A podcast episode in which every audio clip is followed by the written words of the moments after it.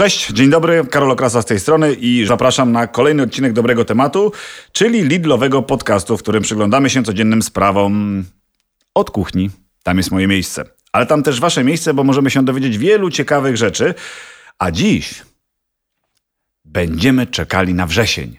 Wrzesień, czyli wykopki, jak mawiał mój kolega, wysyłając swoje dzieci do szkoły. E, będziemy rzeczywiście rozmawiali o beztroskich wakacjach, a w zasadzie o powrocie z tych wakacji do szkoły. No i będziemy mówili o tym z perspektywy rodzica, jak się do tego przygotować, jak przygotować siebie, ale i jak przygotować nasze dzieci. A któż lepiej opowie nam o tym wszystkim niż mój dzisiejszy gość, Justyna Kozłowska, mama czwórki dzieci, autorka vloga dzień dobry, cześć, wszystko się zgadza. Autorka vloga 10 e, minut spokoju i 20 minut spokoju. E, Im więcej dzieci, tym więcej tych minut spokoju potrzebnych, więc teraz skupiam się bardziej na tym drugim kanale, gdzie nie tylko o dzieciach, ale też o gotowaniu, o ekologii, o urządzaniu, więc myślę, że każda kobieta, mama znajdzie tam coś dla siebie. No a ten powrót do szkoły rzeczywiście wiąże się z emocjami. U mnie podwójnie w tym roku. Tak bo moja najstarsza córka, dziesięciolatka, idzie do czwartej klasy. Duża zmiana. Duża zmiana. Wszyscy dookoła straszą tą czwartą klasą. A że... później straszą siódmą klasą. Ja to przeżywałem już. To, o tym też później możemy porozmawiać. O, Ale super. rzeczywiście są takie okresy, którymi się straszy, że wtedy będzie nowe. Wtedy dziecko... To jest nowa, niby ta sama szkoła, ten sam budynek, ci sami uczniowie, e, koledzy, koleżanki, ale jednak nowe. Kiedyś nas tak straszyli tylko raz, bo była to zmiana ze szkoły podstawowej na ponadpodstawową. No i później studia, ale to już był człowiek dorosły. E, czyli co, pierwsza, pierwsze wyzwanie to u ciebie ta czwarta klasa, a tak, drugie ta wyzwanie? czwarta klasa, a drugie wyzwanie, moja siedmiolatka e, idzie do pierwszej klasy i tutaj rzeczywiście jestem pełna obaw, o ile Baśka jest już zaprawiona w bojach, jest taka hej do przodu, to moja Jadziunia wrażliwa, delikatna, teraz e, uczęszcza do kameralnego, niepublicznego przedszkola. Więc naprawdę jestem pełna obaw, jak ona się odnajdzie w tym wszystkim, więc y, jest stres, są emocje i dobrze, że tutaj się spotykamy i będziemy Ale... to wspólnie oswajać. No więc, kochani słuchacze, można jednak to wszystko poukładać. Przypominam, Justynka, mama czwórki dzieci. Ta czwórka dzieci jest w domu, a ona jest ze mną. Przyjęła zaproszenie. Co więcej, mogę wam powiedzieć, że się uśmiecha, wygląda kwiciście, promiennie. Nie spóźniła się. Jak to się robi? O tym między innymi będziemy dzisiaj rozmawiać, ale jeżeli pozwolisz, Justyną, słuchacze już czekają w niecierpliwości na garść faktów, którymi chciałbym się co jakiś czas podpierać w trakcie naszej konwersacji. Więc fakty są takie, moi drodzy.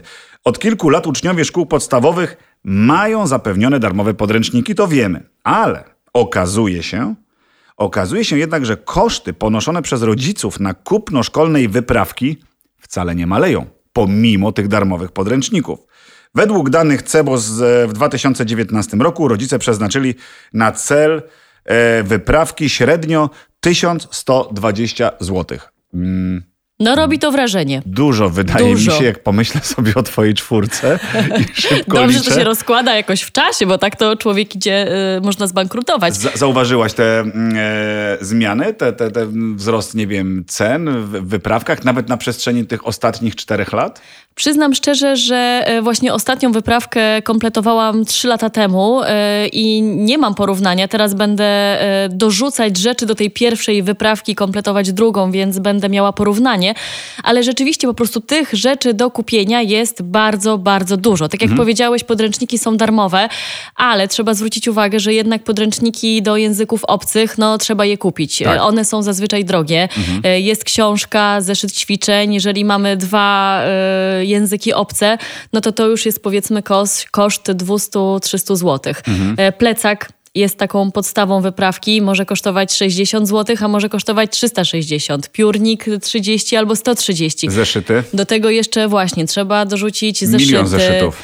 Milion zeszytów, y, przybory szkolne, strój sportowy. Blok. E, blok. Do, rys pamiętam do rysowania jeszcze, tak. też. E, Techniczny do rysowania. Ob, obuwie na zmianę.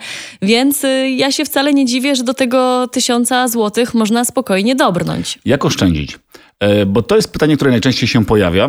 Jak rozmawiam ze wszystkimi, to każdy szuka tych momentów e, i kombinuje. No bo mm, tak jak mówisz, no rozkłada się to w czasie, to jasne. Nam, jak ma się czwórkę dzieci, każdy idzie w innym roku do szkoły, no ale mam kolegę, który ma trojaczki. O, Jesus. Właśnie. Pozdrawiamy, Bartku. E, I teraz sobie wyobraźmy, że rzeczywiście są mm, takie sytuacje, kiedy musimy trójkę naraz wydać do szkoły i tu też nie ma mowy o tym, że jedno drugiemu na przykład będzie przekazywało No nie, starsze nie, nie, podręczniki, czy jakieś na- swoje, przebory. no. Każdy musi mieć swoje. Jak oszczędzać? Są dobre rady? E, oczywiście, że tak. Ja Dawaj, przede dawaj, dawaj, wszystkim, ja przede wszystkim e, to może być trochę przewrotne, ale przede wszystkim bym nie oszczędzała na tych kluczowych przedmiotach. Mhm. Czyli porządny plecak, porządny piórnik, który będzie Na nam lata. służyć na lata. I rzeczywiście tak jest. Ja zainwestowałam w dobry plecak i moja córka Barbara przez trzy lata ten plecak nosiła. Teraz rzeczywiście już będzie do czwartej klasy e, do wymiany, więc wybierajmy produkty porządne, dobrej jakości, żeby mieć pewność, że te wszystkie paski, kieszonki się nie zerwą, nie popsują, e, będą na dłużej.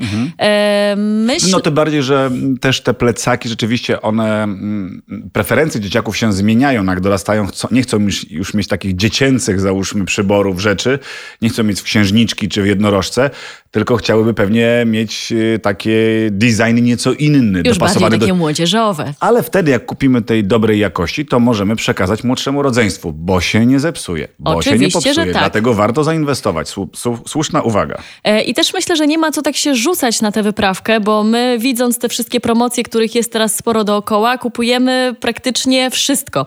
A później z mojego doświadczenia okazuje się, że a to nie te kredki, farby nie takie, ten zeszyt to miał być w linię, ale w kolorową, ten za gruby, ten nie taki. E, więc myślę, że warto przejrzeć stronę placówki, którą mamy wybraną, przedszkola, szkoły i doszukać się tam e, konkretnej listy wyprawkowej.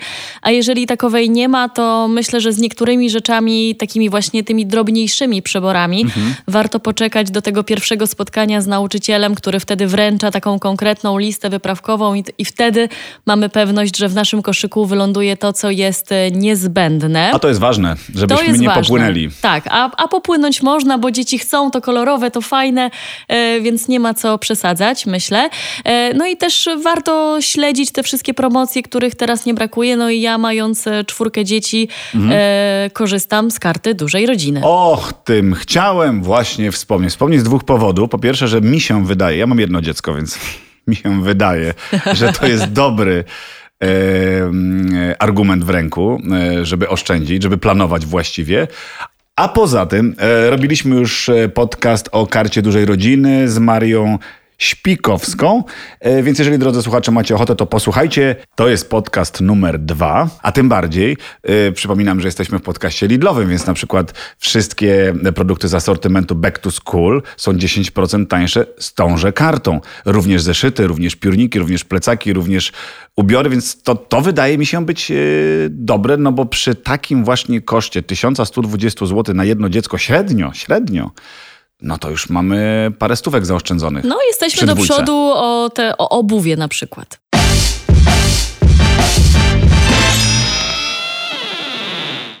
Dzieciaki zabierasz ze sobą do, na zakupy, czy nie? Oczywiście, że tak. Bo się dzieje wtedy, wiesz co, Ja- wszystko co świeci, wszystko co kolorowe, jak te sroczki oczy- biegają. Oczywiście, że tak. Wybór tego plecaka jeszcze przed nami, ale mogę się założyć, że moja Jadzia będzie chciała taki z jednorożcem albo lamą, Mhm. e, z brokatem, z tęczą na bogato. E, no ale tutaj musi e, wkroczyć nasz głos rozsądku i przede wszystkim e, ten plecak i te przybory, te wszystkie rzeczy muszą być praktyczne i funkcjonalne, ale jak najbardziej jestem za tym, żeby zabierać dziecko ze sobą, no bo raz, że jest to jeden z elementów e, e, przygotowujący je do szkoły. A, to ty taką Tak, terapię tak, od razu psychologii, stosujesz. tak, ale A, też no to jest wielka frajda wybrać te zeszyty. Nie wiem, czy ty pamiętasz za dzieciaka, ale ja to się strasznie ekscytowałam. Takie te świeżutkie zeszyciki, ten Pach- ja szeleszczo- wąchałem. pachnący, Wąchałem, tak. ten papier ten pachniał. papier pachnący, szeleszczący, tak przyjemnie, więc Albo ten papier dokolorowany, on był taki śliski, fajny. tak, więc ja myślę, że nie ma co pozbawiać dzieci takiej e, frajdy i przyjemności, więc jak najbardziej w tym procesie zakupowym one wręcz muszą uczestniczyć, no ale my tutaj musimy wszystko kontrolować, no bo ten plecak Tak. To nie może być taki zwykły plecak z lamą, bo jest ładny, tylko na przykład musi mieć szerokie e, ramiona, 4-5 centymetrowe minimum, żeby nie wpijały się w obojczyki, w ramiona, żeby ciężar się odpowiednio rozkładał. Musi by, y, te ramiona też muszą być miękkie.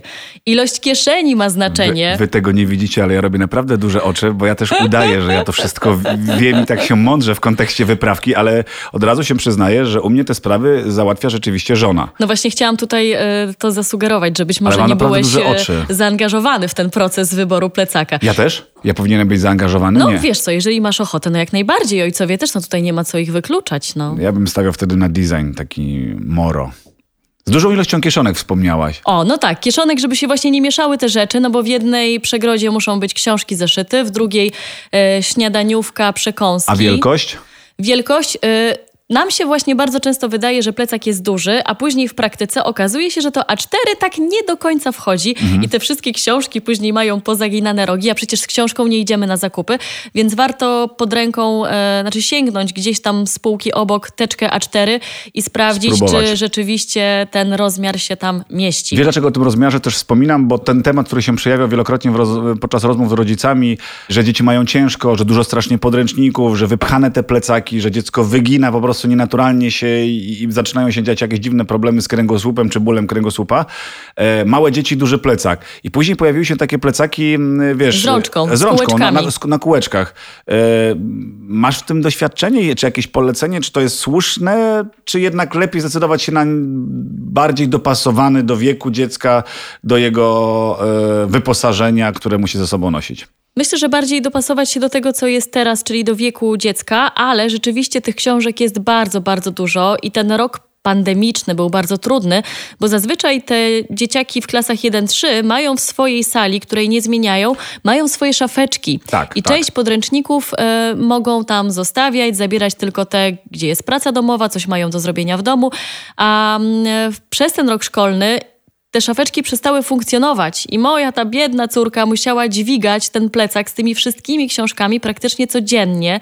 I biorąc pod uwagę, że ta czwarta klasa, że dojdą jeszcze przedmioty, dojdą nowe książki, więc rzeczywiście rozważam taką opcję, czy ten plecak czwartoklasistki już nie powinien mieć taką opcję z tymi kółeczkami. Ale też fajne jest to, nie wiem czy kojarzysz, ale są takie plecaki, które mają jeszcze taki specjalny pas na biodra, który Przytrzymujący, też, tak? Tak, taki podtrzymujący i to też pozwala... Wzorem e... tych plecaków turystycznych, prawda? Prawda? Tak, tak, tak. Pozwala to, jest to żeby rozłożyć było... ciężar. Otóż to. Więc warto, moi drodzy, zwrócić na takie z pozoru by się wydawało proste rzeczy, ale dzisiaj z perspektywy dziecka, które musi dźwigać dużo mm, aspekty, jaki plecak wybrać, jak powinien być zbudowany, szerokie ramiona, żeby się nie wpijały, pas tak, tak biodrowy, tak, tak. dużo kieszonek, zapamiętałem Jeszcze wszystko. fajnie jest, jak są takie zewnętrzne kieszonki, gdzie można mieć bardzo szybki i łatwy dostęp do kluczyka, do szafki, mhm. jak jest taka kieszeń na bidon. Ergonomia. Ekonomia. Ergonomia, Ergonomia, ekonomia w jednym. Yy, w jednym. A propos jeszcze ekonomii, skoro już nawiązujesz, bo mówimy o wielu rzeczach, które trzeba kupić. Zeszyty, książki, wyposażenie takie, piórnik, flamastry, e, plecak, no później ubiory. Mm, robi się z tego długa lista, którą trzeba wypełnić. Wraz z długą listą idzie czas, który trzeba poświęcić na kupno tych rzeczy. Przecież no to kosztuje mnóstwo czasu tego rodzica. To jest taki full-time job, żeby to wszystko wypełnić, żeby odhaczyć, żeby to kupić, przewieźć, przywieźć, wybrać. E, jakie tu są porady i rady? Jak sobie można to zorganizować? W jaki sposób? Nie wiem, czy polecasz jedno miejsce i wszystko naraz? Czy rzeczywiście wybierać, szukać tu promocja, tam promocja i, i tak dalej? Ja przyznaję szczerze, że szczerze. Nie, mam, nie mam na to czasu. E, jestem wygodna, e, inaczej chyba e, bym nie, nie udałoby mi się tego wszystkiego ogarnąć, więc ja naprawdę wybieram takie miejsca, gdzie mogę kupić absolutnie wszystko. Jedno wyjście na zakupy i mam tak naprawdę całą wyprawkę skompletowaną. Yy, mam dobrą radę. Dajesz. I się zdziwisz, tak jak słuchacze. No. Do Lidla idźcie. Tam jest wszystko. To prawda, ja potwierdzam. Ale tak jest. Tak jest, ja też... E, Żeby już tu nie kokietować, to... Nie, nie, nie, y, naprawdę. Uważam, że tutaj jestem odpowiednią osobą e, w odpowiednim miejscu, bo z tej karty dużej rodziny regularnie korzystam i e, regularnie w Lidlu bywam i też zaglądam na te działy, gdzie nie tylko artykuły spożywcze, ale też ciuchy, różne gadżety, zabawki. Można absolutnie wszystko znaleźć. Jeżeli ty tak mówisz, to słuchacze ci uwierzą. Podkreślam, mam jedno dziecko z karty dużej rodziny, nie korzystam, ale rzeczywiście, tak, jak, jak tak sobie myślę, to powinienem mieć jeszcze co najmniej dwójkę. Jezu, jakby... Jeszcze wszystko przed tobą, Karol. To powrót teraz do tematu i powrót do, do, szkoły. Troszkę o tym już wspominaliśmy, ale rzeczywiście taki powrót, szczególnie chyba po tym okresie pandemii, wiąże się, chociaż zawsze się wiązał, z lekkim stresem dla dziecka. Takie obawy przed tym, co się stanie, nowe środowisko, często jest to zmiana klasy, przeskok zupełnie w nową rzeczywistość, nowi nauczyciele, e, nowe przedmioty. E, presja otoczenia, która jest zawsze obecna, niezależnie od tego, jakie, mamy czasy. Czy tutaj też możemy jakoś dziecku pomóc e, w tych aspektach? Bo to wydaje mi się być, my być może tego nie widzimy na pierwszy rzut oka, skupieni na tych zakupach, a też powinniśmy równocześnie skupiać się na dziecku, na jego psychice, na, na tym, co czuje. Oczywiście, że tak i to jest e, zdecydowanie ważniejszy aspekt. Myślę, że przede wszystkim musimy z dzieckiem rozmawiać i chyba warto wtajemniczyć takiego pierwszoklasistę przyszłego w ten szkolny świat, bo dla nas to, co się dzieje w szkole jest czymś totalnie oczywistym. Tak. A taki 6-7-latek, który do tej pory e, bawił się na dywanie, biegał sobie beztrosko po przedszkolnym robił, placu zabaw, robi, robił praktycznie co chciał. No okej, okay, tam były zajęcia dydaktyczne, no tak. ale to zawsze można było wstać, gdzieś tam podejść, tutaj z kimś pogadać. No raptem a, jest jak w wojsku, prawda? A tutaj proszę bardzo, są ławki, jest lekcja, 45 minut, nie można od tak sobie wstać, e, rozruszać się, e, trzeba gdzieś tam trzymać się tych e, sztywnych zasad, więc myślę, że przede wszystkim takie opowiedzenie dziecku bez takiego nadmiernego koloryzowania, co tam w tej szkole jest, ja, jak wygląda ten szkolny savoir-vivre jest bardzo, bardzo ważne. Ja nie wiem, czy się słuchacze ze mną zgodzą, ale myślę, że ty dokładnie idziesz w tę stronę. Ja też jestem zdania, że ten świat nie może być przesadnie koloryzowany dziecku. My musimy powiedzieć, że to jest obowiązek. No tak. Że tam są pewne zasady, których nie wolno łamać, że to jest troszkę tak, że jak pani powie, to tak musi być. No bo ktoś jednak bierze odpowiedzialność za nasze dzieciaki, które no się No i też jest jedna nagle pani. W przedszkolu tak. zawsze są dwie, czasami trzy, jest jeszcze pomoc, więc tutaj ta, e, tych rąk do opieki jest troszeczkę więcej, a tutaj jest jeden nauczyciel, który no jakby nie było nad tą grupą rozbieganych 6-7-latków musi zapanować. A ty się denerwujesz e, przed tym wrześniem? Czy, czy też dla ciebie to, tak jak wspomniałaś trochę, że no my trochę wiemy, jakie są oczekiwania ze strony szkoły, wiemy, co dziecko musi. A czy jednak mimo wszystko stresik się pojawia? E, oj, bardzo, bardzo. Przyznaję się, stresik jest, A tak zwłaszcza... co rok? E, wiesz co, co rok nie. Myślę, że w przypadku Barbary, która jest taka bardziej pewna siebie, otwarta, która zazwyczaj bez problemu odnajduje się w nowym e, środowisku, byłam bardziej spokojna, a w przypadku właśnie tej mojej Jadzi, która jest taka e, wrażliwa, taka drobniutka, taka malutka, no troszeczkę rzeczywiście się boję. Też ja bardzo nie lubię Ale czego takiej... najbardziej? Właśnie najbardziej się boję tego, jak ona sobie poradzi w grupie rówieśniczej, jak się odnajdzie. A, chyba dla mnie to jest najbardziej e, przerażające, no bo mhm. jednak dzieci potrafią być e, szczere do bólu.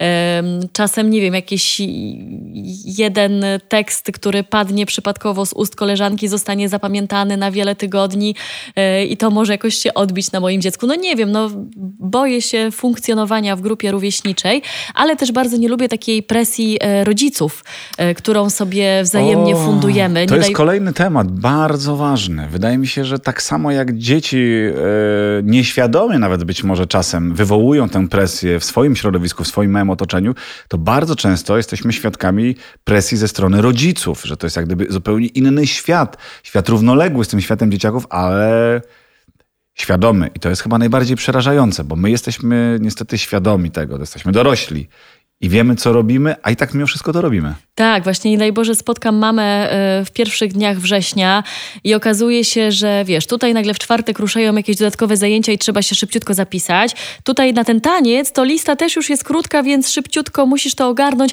Ta nowa pani od francuskiego to dramat w tym roku. Nie wiem, jak to tak. będzie. Chyba rzeczywiście ta czwarta klasa to już się zaczynają te korepetycje.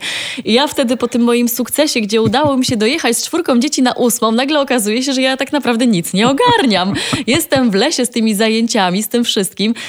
Więc muszę wziąć parę głębszych oddechów mhm. i dać sobie rzeczywiście trochę czasu, żeby wejść w tą rutynę wrześniową, szkolną i wtedy na spokojnie poogarniać, no właśnie, jeszcze te wszystkie zajęcia, tą świetlicę, e, tą całą logistykę. To trochę kiedy, czasu zajmuje, prawda? To trochę czasu zajmuje, kiedy, o której, kogo, skąd odebrać.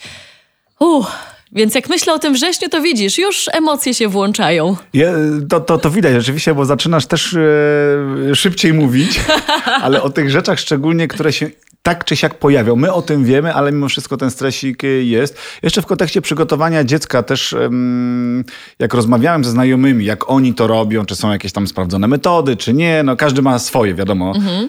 które działają lepiej lub gorzej.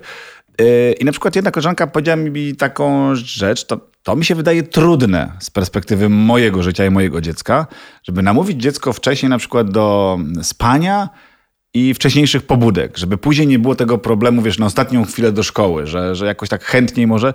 Nie wiem, czy to w ogóle może działać, że takie praktyki jakieś e, rodzice stosują. No, to jest kwestia sporna. Myślę, że dużo zależy od dziecka, czy ono rzeczywiście potrzebuje e, trochę więcej czasu, żeby przerzucić się na tą szkolną rutynę.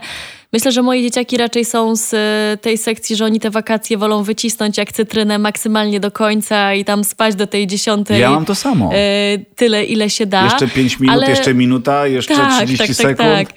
Ale rzeczywiście biorąc pod uwagę takie aspekty techniczne tego przygotowania, rzeczywiście fajnie jest, jeżeli jest to oczywiście możliwe, wprowadzić tę rutynę tego wczesnego wstawania, e, też przyzwyczaić dzieci do tego, żeby sobie szykować wcześniej ubrania wieczorem, mhm. żeby rano nie było tego poświęcenia pośpiechu i wybierania przez, żeby nie tracić tego cennego czasu o poranku na przeszukiwanie. Ja myślę, że trochę tej rutyny takiej szkolnej, tej dyscypliny szkolnej, umownej tak. wprowadzić do życia codziennego, bo to nie chodzi o to, że my będziemy mm, e, od tego dziecka wymagali zbyt dużo to ma na celu ułatwić mu funkcjonowanie Oczywiście. później w tym rytmie szkolno-prywatnym, prawda? Tak to nazwijmy, bo, bo przecież pojawią się zaraz pojawi się odrabianie lekcji, pojawi się, pojawią się zajęcia, pojawią się klasówki, kartkówki, odpowiedzialność, nauka dodatkowa.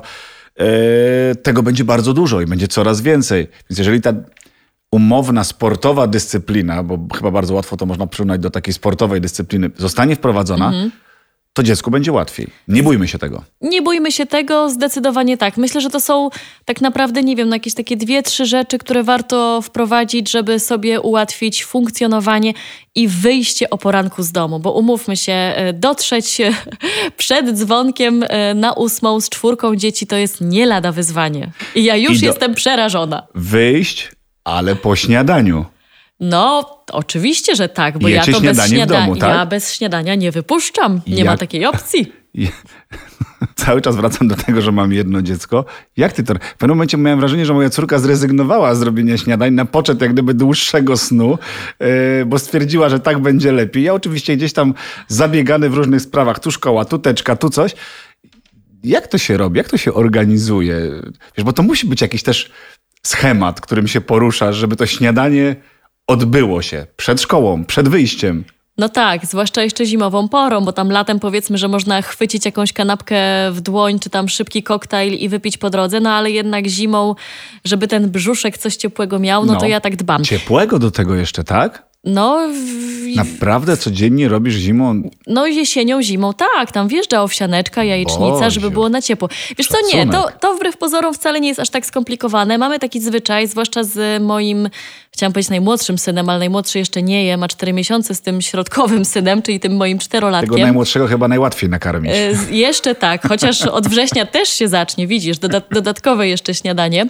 E, mamy tak, że jak sobie zasypiamy, to sobie tak rozmawiamy, omawiając, co się wydarzyło danego dnia i ustalamy, co będzie następnego dnia rano na śniadanie żeby uniknąć tego, a dlaczego dzisiaj jest znowu ta jajecznica, a ja chciałem placki bananowe, więc mamy taką swoją pulę y, zestawów śniadaniowych, na mhm. którą składają się właśnie placki bananowe, jajecznica, owsianka, koktajl albo kanapka, tudzież jajko sadzone. No i tak żongluję tym zestawem, który u mnie jest sprawdzony. Mam to szczęście, że moje dzieci rzeczywiście jedzą y, dobrze, fajnie, y, więc to nie jest jakieś tam wmuszanie, wpychanie tych śniadań, tylko rzeczywiście jest szybkie śniadanie i wychodzimy z domu. A później jakieś e, ewentualnie można się poratować przekąskami, prawda? Takimi, które dziecku, moja żona to bardzo często robi, czyli ma to w kontekście tych zero, zero waste'owego podejścia do wyposażenia wyprawkę dziecka pojemniczek wielokrotnego użytku. O właśnie, tak, o tym zapomnieliśmy powiedzieć, bo jeszcze do tego zestawu to jest wyprawkowego... Ja, no tak. ja, ja, to nadzoruję. No to dobrze. Bardzo pilnuję dobrze. tego, wiesz? Nie, ale to jeszcze widzisz, a propos tych rzeczy trzeba dorzucić bidon. Ciekawe, jak bardzo się śmieje teraz moja żona i córka. No dobrze, ale, ale w każdym bądź razie u nas w domu jest. I, i rzeczywiście ten pojemniczek wielorazowego użytku, wypełniany zawsze jakimiś yy, przekąskami, prze owocami, Tak, na przykład z tak, ryneczku tak, tak. Lidla, pakujemy sobie umytymi, żeby dziecko mogło sobie tam podjadać. Tak, u mnie ja mam to szczęście, że moja córka, ta najstarsza, y, nie jest wymagająca. Ona ma codziennie swój zestaw śniadaniowy, drugośniadaniowy, że je kanapkę y, z kozim serkiem, z listkami i jakimś y, ogórkiem, pomidorem, że musi być zielono, bo my nie jemy mięsa, więc ja też dbam o to, żeby jakaś porcja warzyw i owoców była. Do tego dorzucamy owoce. Problematyczna trochę jest kwestia słodyczy, bo niestety moje dziecko obserwując to, co inne dzieci mają w śniadaniówkach, zawsze domaga się czegoś słodkiego, więc ja właśnie tutaj ratuję się tymi wspomnianymi e, bioprzekąskami, O, batonikami. To chciałem ja powiedzieć, ale jak już mówisz, leć. Co tam, co tam, jakimi? Tymi batonikami mówisz, Tak, dobrej tymi kalorii. batonikami, tak, tak, A, tak. one są pyszne. One, one są super i są pyszne. Co prawda moja córka czasem kręci nosem i mówi mama, znowu dałaś mi to bio, ja chcę normalne słodycze. Ale widzisz, pokręci nosem, pokręci nosem, ale i tak zje tego batonika ze smakiem, co więcej, jeszcze czasem podzieli się z kolegą, z koleżanką, więc y, wszyscy finalnie są zadowoleni. Ale stały zestaw zawsze musi być, bo u mnie rzeczywiście też e, zauważyłem, że to jest bardzo często stały zestaw. To są Tak. te sezonowe owoce, które Tak, się tak, wrzuca. tak, tak. To jest jakiś batonik i to jest coś, co się łatwo przechowa i w dobrej jakości można później to otworzyć i skonsumować, prawda? Bo to jak mówiłaś o, o, o mięsku, no to ciężko do tego naczynka zapakować jak no nie ma lodówki, nie wiadomo jak no to się tak, przetrzyma. dokładnie. A Owoce, tutaj mamy batonik pewność, zawsze. że wszystko będzie ok.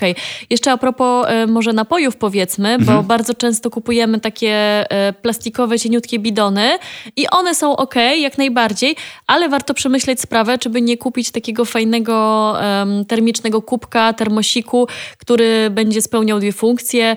E, jesienną, zimową porą ciepła herbatka od mamusi z miodem i z cytrynką będzie ciepła, rozgrzeje.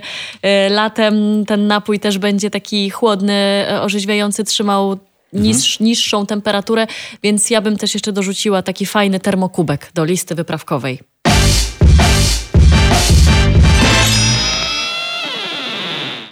Kochanie, jeżeli chcecie sprawdzić, jakież to rozwiązania Justyna ma na śniadanie czy drugie śniadanie, to zapraszamy na kuchnię Lidla, bo byłaś już gościem na kuchni Lidla i tam gotowałaś. E, Rzeczywiście, gotowałam, miałam przyjemność gotować z Pawłem, ale tutaj skupiliśmy się na słodkościach, rzecz jasna. E, Ale też e, bardzo fajny odcinek był z profesorem Jaroszem a propos tego, co powinno znaleźć się w tej śniadaniówce, jakie wartościowe produkty powinniśmy wybierać, więc polecamy. Polecamy, zajrzyjcie na kuchnię Lidla, bo też tam znajdziecie mnóstwo przepisów już we wrześniu na drugie śniadanie. E, niczego wam nie zabraknie. No dobrze, przechodzimy dalej. Teraz jeszcze jedno pytanie, które się rodzi w głowie każdego rodzica w kontekście dzisiejszych czasów. Pandemia i ten okres po pandemii. Czy ty widzisz jakieś większe niż zazwyczaj zagrożenia dla dzieciaków? Trudniejszy powrót do szkoły? Związany z tym większy być może stres?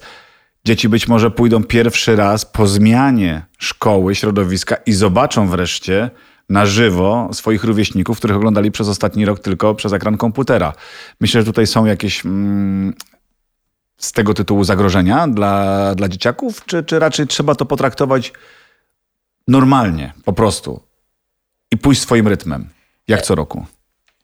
Na pewno fajnie jest starać się żyć i funkcjonować normalnie mimo wszystko. E, Chyba najgorsza, najgorsza jest ta niepewność, że my tak naprawdę nie wiemy, co nas e, czeka we wrześniu. Myślę, że te wakacje trochę zrobiły dobrej roboty, bo to był taki powrót, taka namiastka normalności. Dzieciaki miały okazję spotykać się ze swoimi rówieśnikami, powyjeżdżały na obozy, kolonie. Być trochę... może już się troszkę zaadoptowały, przyzwyczaiły. Dokładnie, dokładnie, bo myślę, że najgorsze w tej pandemii było takie funkcjonowanie na nowo w tej grupie rówieśniczej. U nas na przykład klasa bardzo się posypała przez ten poprzedni rok. W jakim sensie się W takim posypało? sensie, że to była taka mocna, silna, wspierająca, trzymająca się razem grupa. Em, a przez ten rok, gdzie te dzieciaki były takie trochę zagubione, raz szły, wracały, nie wiedziały w zasadzie, co ich czeka w przeciągu tygodnia, dwóch, e, te relacje były trochę takie zaburzone, bo przez ten komputer to tak, no, no niby są No- razem, ale jednak nie są razem. E, no to był taki dziwny rok i taki dziwny czas, który no niestety no, negatywnie odbił się na naszych dzieciach. Rzeczywiście tak jest i największe zagrożenie dla młodych dzieciaczków, ludzi, mm, wkraczających czasami w to, wydaje im się, dorosłe życie, jest to, że rzeczywiście za pośrednictwem komputera mogą wiele, mogą dużo więcej bezkarnie, Dokładnie. bez emocji, Mhm, tak. aniżeli en face, y, y, twarzą w twarz, oczy w oczy, y, kiedy trzeba się inaczej zachować, kiedy człowiek czuje emocje drugiego człowieka. Bardzo często poprzez internet, przez komputer nie ma tych emocji. I, I to jest niebezpieczne. No właśnie, a później trzeba było wrócić do tej szkoły i dalej funkcjonować z tym wszystkim, co się wydarzyło pomiędzy. Dzięki bardzo. E, Justyna Kozłowska, moi drodzy, była moim i Państwa gościem, która opowiedziała nam o urokach. I tak to zakończmy. Urokach macierzyństwa. Tego się trzymajmy. Tego się trzymajmy, bo tak trzeba. Autorka vloga 10 minut spokoju. Jeżeli chcecie dowiedzieć się czegoś więcej, jak sobie ten czas zorganizować, jak dbać o siebie, bo ona to dzisiaj bardzo mocno podkreślała, to zajrzyjcie, posłuchajcie, pooglądajcie, e, możecie do niej napisać, odpowiesz. Oczywiście, że tak. Staram się e, wtedy właśnie, kiedy mój najmłodszy synek jest na spacerze e, z babcią. Dziękuję bardzo serdecznie za zaproszenie, było przemiło. Dzięki bardzo. No i ma czas jeszcze na odpisywanie. Widzicie, synek śpi, ona odpisuje, pracuje i się do tego jeszcze uroczo uśmiecha. Ja jej wierzę. Powinniście uwierzyć i wy. Ale wiesz co, jest też No. y, druga strona medalu. Ja też bywam zmęczona, znaczy w zasadzie jestem i też o 22 sił mi brakuje i razem z dziećmi y, kończę swój dzień. Kończymy my dzisiaj audycję. Dzięki bardzo jeszcze raz za Dzięki. wizytę. Pamiętajcie, kochani, żeby dać nam suba na YouTubie i obserwować podcast na Spotify, Google Podcast i Apple Podcast. Wówczas żaden odcinek na pewno Was nie minie. Smacznego życia, Justyno, dalej. Ci życzę. I Dziękuję. Państwu również. Wzajemnie. Do usłyszenia.